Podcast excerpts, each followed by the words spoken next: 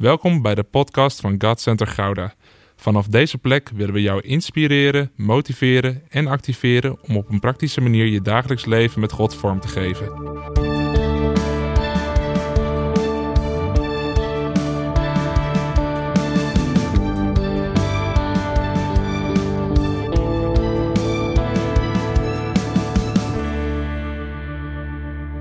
Hey, welkom terug. Fijn dat je luistert. Dit is een plek waar we je willen inspireren, motiveren en activeren in je dagelijks leven met God. Jij bent belangrijk en daarom willen we in jou investeren. En dat doen we door wekelijks een podcast op te nemen, zodat je in deze tijd toegerust wordt vanuit het woord van God. En dat doen we dan niet om droge kennis op te doen. We doen dit zodat je kennis krijgt in het woord, zodat je dat dagelijks in de praktijk van je leven kan uitleven. De afgelopen weken hebben we gekeken naar de principes van de eerste gemeentes in de Bijbel. We hebben die principes onderzocht en van daaruit ontdekt hoe we krachtig met elkaar kerk kunnen zijn. En in de komende podcasts zullen we een stukje persoonlijker gaan. We gaan kijken naar je identiteit. Juist in deze tijd, waarin zoveel wegvalt voor mensen. En dan ontdekken we vaak dat onze identiteit is gebouwd op de randzaken van ons leven. We zijn wat we doen. We zijn wat we hebben. We zijn wat we kunnen. We zijn wat anderen over ons zeggen. Maar wat gebeurt er op het moment dat die bronnen, tussen aanhalingstekens, wegvallen? Omdat we niet meer zoveel kunnen doen. Of omdat we opeens niet meer zo van waarde zijn. Of omdat wat anderen over ons zeggen veranderd is. Weet je, een van de grootste uitdagingen als voorganger is om mensen te leren leven vanuit de identiteit die ze van God hebben gekregen. En dat is niet omdat de Bijbel er zo weinig over zegt, maar omdat het contrast met de woorden van de wereld vaak zo groot is dat het moeilijk is om daar ook echt uit te gaan leven. En dan komt er ook nog eens bij dat we als mensen bestaan uit geest, ziel en lichaam. En dat maakt het niet altijd makkelijker om te begrijpen wat precies waar hoort en wat dat dan precies betekent. En daarom wil ik vandaag met je kijken naar de vraag: wie ben ik? Om jou te helpen scherp te krijgen of misschien scherp te houden wie je bent. En om daarachter te komen, kunnen we niet anders dan terug te gaan naar onze maker. Want uiteindelijk is de maker altijd degene die het maaksel definieert. Niet de functie, niet de kwaliteit, niet de vormgeving. Het is de benaming van de maker. Neem als voorbeeld even een stoel. Ooit heeft iemand bedacht, ik noem dit een stoel. Maar het heet niet zitvlak op vier poten, met eventueel een rugleuning. Dus wij denken altijd dat de functie bepaalt wat iets is en hoe het heet, maar de benaming is heel anders. Een tafel noemen we geen eetblad op ellebooghoogte. Nee, dat is gewoon een tafel. Het heeft een naam gekregen van de maker. Kijk je ook wel eens om je heen en dat je je dan afvraagt waarom er zoveel mensen op zoek zijn naar hun identiteit? Ik geloof dat dit komt doordat we zonder levende geest nooit tot inzicht kunnen komen tot de diepste kern van wie we zijn. Je maker is namelijk geest, zegt Johannes 4. God is geest. En hij communiceert en werkt ook in geest. En dit is een fundamentele basis voor elke christen. We proberen in pastorale gesprekken vaak de ander op zielsniveau te helpen. Maar toch is dit ten diepste niets anders dan symptoombestrijding. Want de ware genezing van wonden, leugens of pijn ligt in de waarheid die je enkel kan ontdekken door je geest. Jij kan jezelf leren kennen door wat God over jou zegt. Hij is je maker. Niemand anders dan je maker kan je jou vertellen wie jij bent. De maker bepaalt wat iets is onze maker bepaalt wie wij zijn. En de Heilige Geest openbaart jou vanuit de diepte van Gods hart wie jij bent. God heeft zich verbonden met jou door het verbond dat Hij met jou is aangegaan door het bloed van onze Heer Jezus. En vanuit dat verbond wil Hij vertellen wie jij in Hem bent. Dus die vraag is: wie ben ik? En misschien dacht je, mooi, deze podcast hoor ik hoe God over mij denkt en dan weet ik wie ik ben. En dan is het misschien een klein beetje teleurstellend, want dat gaan we vandaag niet doen. Ik ga je namelijk vooral helpen om de weg naar het antwoord op de vraag wie ben ik te bewandelen. Want laten we heel eerlijk zijn, Je hebt er niks aan als iemand anders jou gaat vertellen wie God zegt dat je bent. God is een vader die rechtstreeks tegen jou wil zeggen wie je bent. Een vader gebruikt geen tussenpersoon. Ik vertel mijn zoontje niet dat hij tegen zijn zusje moet gaan vertellen wat ik van haar vind. Dat zouden we allemaal raar vinden. En toch is dat iets wat we zo vaak doen in ons leven met God. Dat we anderen laten vertellen wat God van ons vindt. Maar hij heeft het anders bedacht. En daarom wil ik je juist op weg helpen om zelf te ontdekken in jouw relatie met God wie hij zegt dat jij bent. En ik ben me er bewust van dat dan een podcast van ongeveer een kwartier je niet alles kan openbaren van Gods woorden over jouw leven. Maar ik ben er wel van overtuigd dat we met elkaar kunnen ontdekken hoe God spreekt en hoe hij sommige dingen bedoelt. En daarmee komen we eigenlijk al bij het eerste punt dat ik rustig met je wil bespreken. Want de input op identiteitsvlak komt zo vaak van buiten, terwijl de Bijbel ons van binnen naar buiten leert te leven. Niet luisterend naar de stemmen om je heen, maar luisterend naar de stem van Hem die in je leeft. En daarom is het eerste punt van vandaag: alleen jij kan jezelf leren kennen. In 1 Korinthe 2 zegt de Bijbel: Wie is in staat de mens te kennen, behalve de geest van de mens? Zo is alleen de geest van God in staat om God te kennen. Kijk, er zijn een aantal algemene waarheden die God over ieder mens zegt. Maar zoals een vader tegen zijn kinderen ook apart spreekt, wil hij dat ook doen voor jou.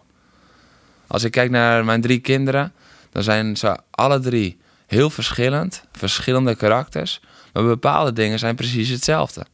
Ik zeg tegen alle drie dat ze geliefd zijn, dat ik van ze hou, dat ik trots op ze ben, dat ik ze perfect vind.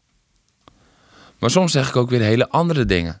Als het gaat over hun talenten bijvoorbeeld. Als ik die benoem, dan is dat heel verschillend van elkaar. Dat is niet omdat de ene beter is dan de ander. Nee, dat is omdat de ene iets anders heeft gekregen dan de ander. En God verlangt ernaar door zijn geest niet alleen zichzelf te openbaren, maar ook jou jezelf te laten leren kennen. Hij wil dat jij jezelf leert kennen door zijn input. Je gedachten over jezelf krijgen altijd input. Maar welke input geef jij het hoogste woord? Is het Instagram? Is het TikTok? Is het Facebook? Zijn het vrienden? Is het je familie? Of is het God? Want als we even teruggaan naar die tekst, dan staat er dat je in staat bent om echt jezelf te kennen. Om te weten wie jij bent. En wij denken nog heel vaak in wat we fout doen en voelen ons daardoor te weinig waard of niets waard. We denken dat we goede dingen moeten doen of dat zonde nog invloed heeft op wie we zijn. Maar we leren onszelf pas echt kennen en ontdekken pas echt wie we zijn in onze relatie met God. En het is dan een geestelijke dooddoener om te zeggen dat het God alleen gaat om Hem te leren kennen. Dit Bijbelgedeelte wijst ons erop dat we ook onszelf mogen leren kennen door onze geest.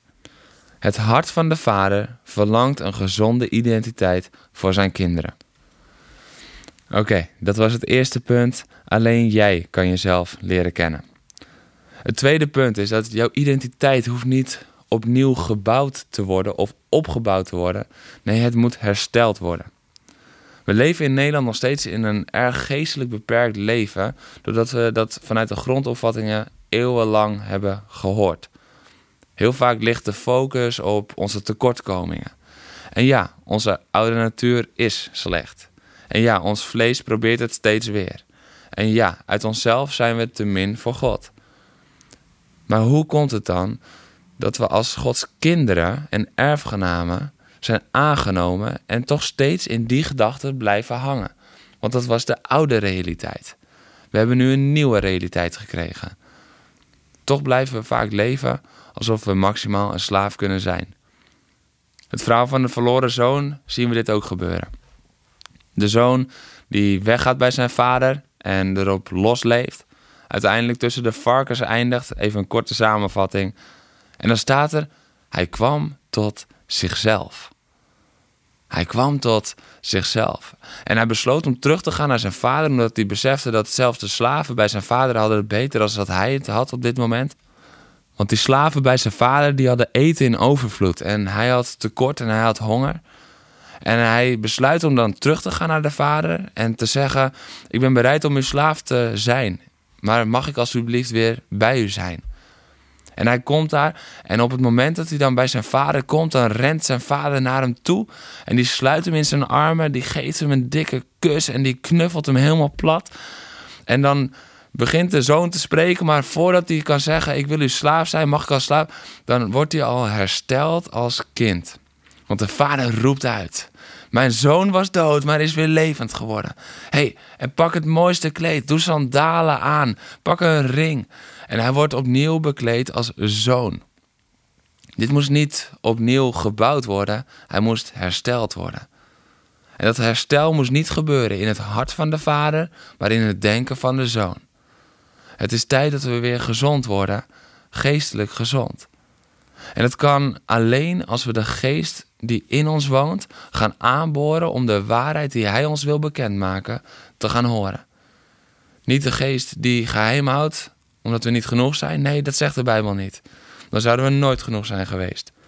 Want Jezus heeft uitgeroepen: het is volbracht. Dus daar kan geen verandering meer in aangebracht worden. Het woord zegt: de geest doorgrondt alles. De geest woont in ons. De geest openbaart het aan ons. Wie is in staat om de mens te kennen behalve de geest van de mens? Zo is alleen de geest van God in staat om God te kennen, zegt 1 Korinthe hoofdstuk 2. Jouw identiteit hoeft niet gebouwd te worden, het moet hersteld worden. Het is niet iets wat nog in aanbouw is, maar het is iets wat wij mogen leren kennen. Oké, dus alleen jij kan jezelf leren kennen. En jouw identiteit hoeft niet gebouwd te worden, maar moet hersteld worden. Dat brengt ons tot het derde punt. Gods woord is de enige gezonde bron van je identiteit. De Bijbel zegt in 2 Korinthe 5 dat het oude is voorbij gegaan en het nieuwe is gekomen. En het is een prachtige waarheid en tegelijkertijd iets waar veel verwarring over is geweest. Want hoe kan het dan, als alles is nieuw geworden en het oude is voorbij gegaan, dat ik nog steeds zoveel pijn of onzekerheid of verdriet voel? Het kan vragen bij je oproepen. Is er dan bij mij iets mis dat ik nog steeds onzeker ben? Doe ik het dan verkeerd, want ik denk nog zo min over mezelf? Nee, er is niets mis met jou. Je zit in een transitie naar een vernieuwd denken. Als de Bijbel hier spreekt over dat alles is nieuw geworden, is dit een geestelijke realiteit. Maar dat is niet in één keer 100% doorgecijpeld naar je denken. Vernieuwen van denken is de volgende stap. Dat bepaalt niet je nieuwe identiteit, want die heb je al, zegt de Bijbel. Maar die vernieuwing bepaalt uiteindelijk hoe jij die nieuwe identiteit ziet, kan omarmen en daaruit kan gaan leven. Vernieuwen is een werkwoord. En dat lezen we in Romeinen 12, vers 2. U moet er zelf niet aanpassen aan deze wereld, maar veranderen door uw gezindheid te vernieuwen.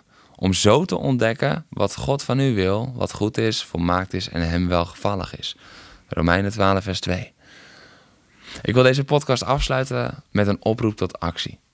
Dat onze geest tot leven is gekomen en dat we daardoor een nieuwe schepping zijn geworden, 2 Korinthe 5, betekent niet dat we dan zelf in de ontspanningsmodus kunnen gaan zitten. Nee, we worden opgeroepen om dat wat nieuw is geworden vanuit onze geest, de realiteit van onze ziel en ons lichaam te maken. Dat wat in ons binnenste is geboren en is vernieuwd, is bestemd om door te sijpelen naar de rest van ons leven. En wees je dan bewust van je gedachten, opvattingen en meningen die je hebt ontwikkeld zonder dat je nog wedergeboren was, zonder dat je Jezus nog kende. Voor sommigen van ons is dit jarenlange input geweest.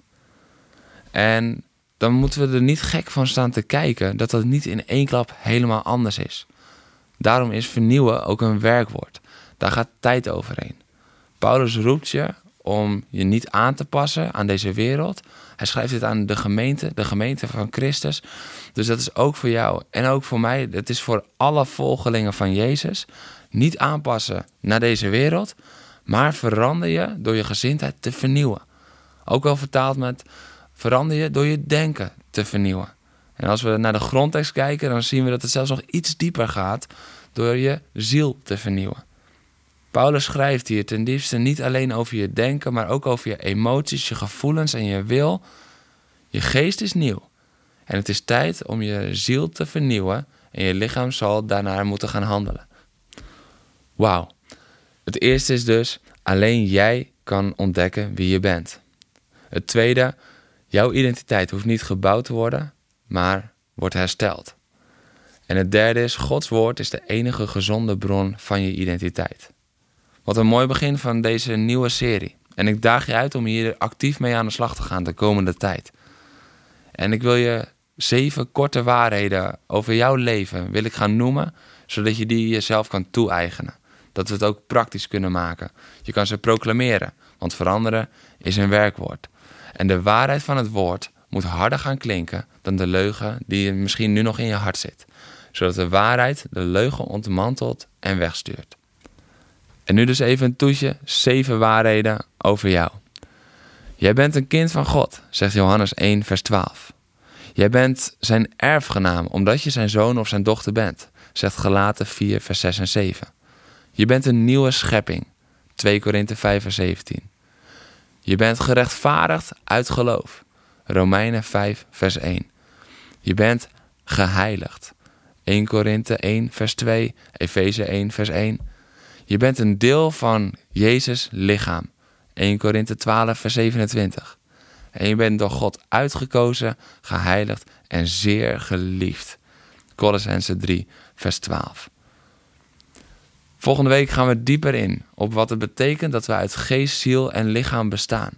Want inzicht hierin gaat je enorm helpen om je identiteit te herstellen en van daaruit te gaan leven. Dus ik zie je heel graag weer volgende week. Tot dan.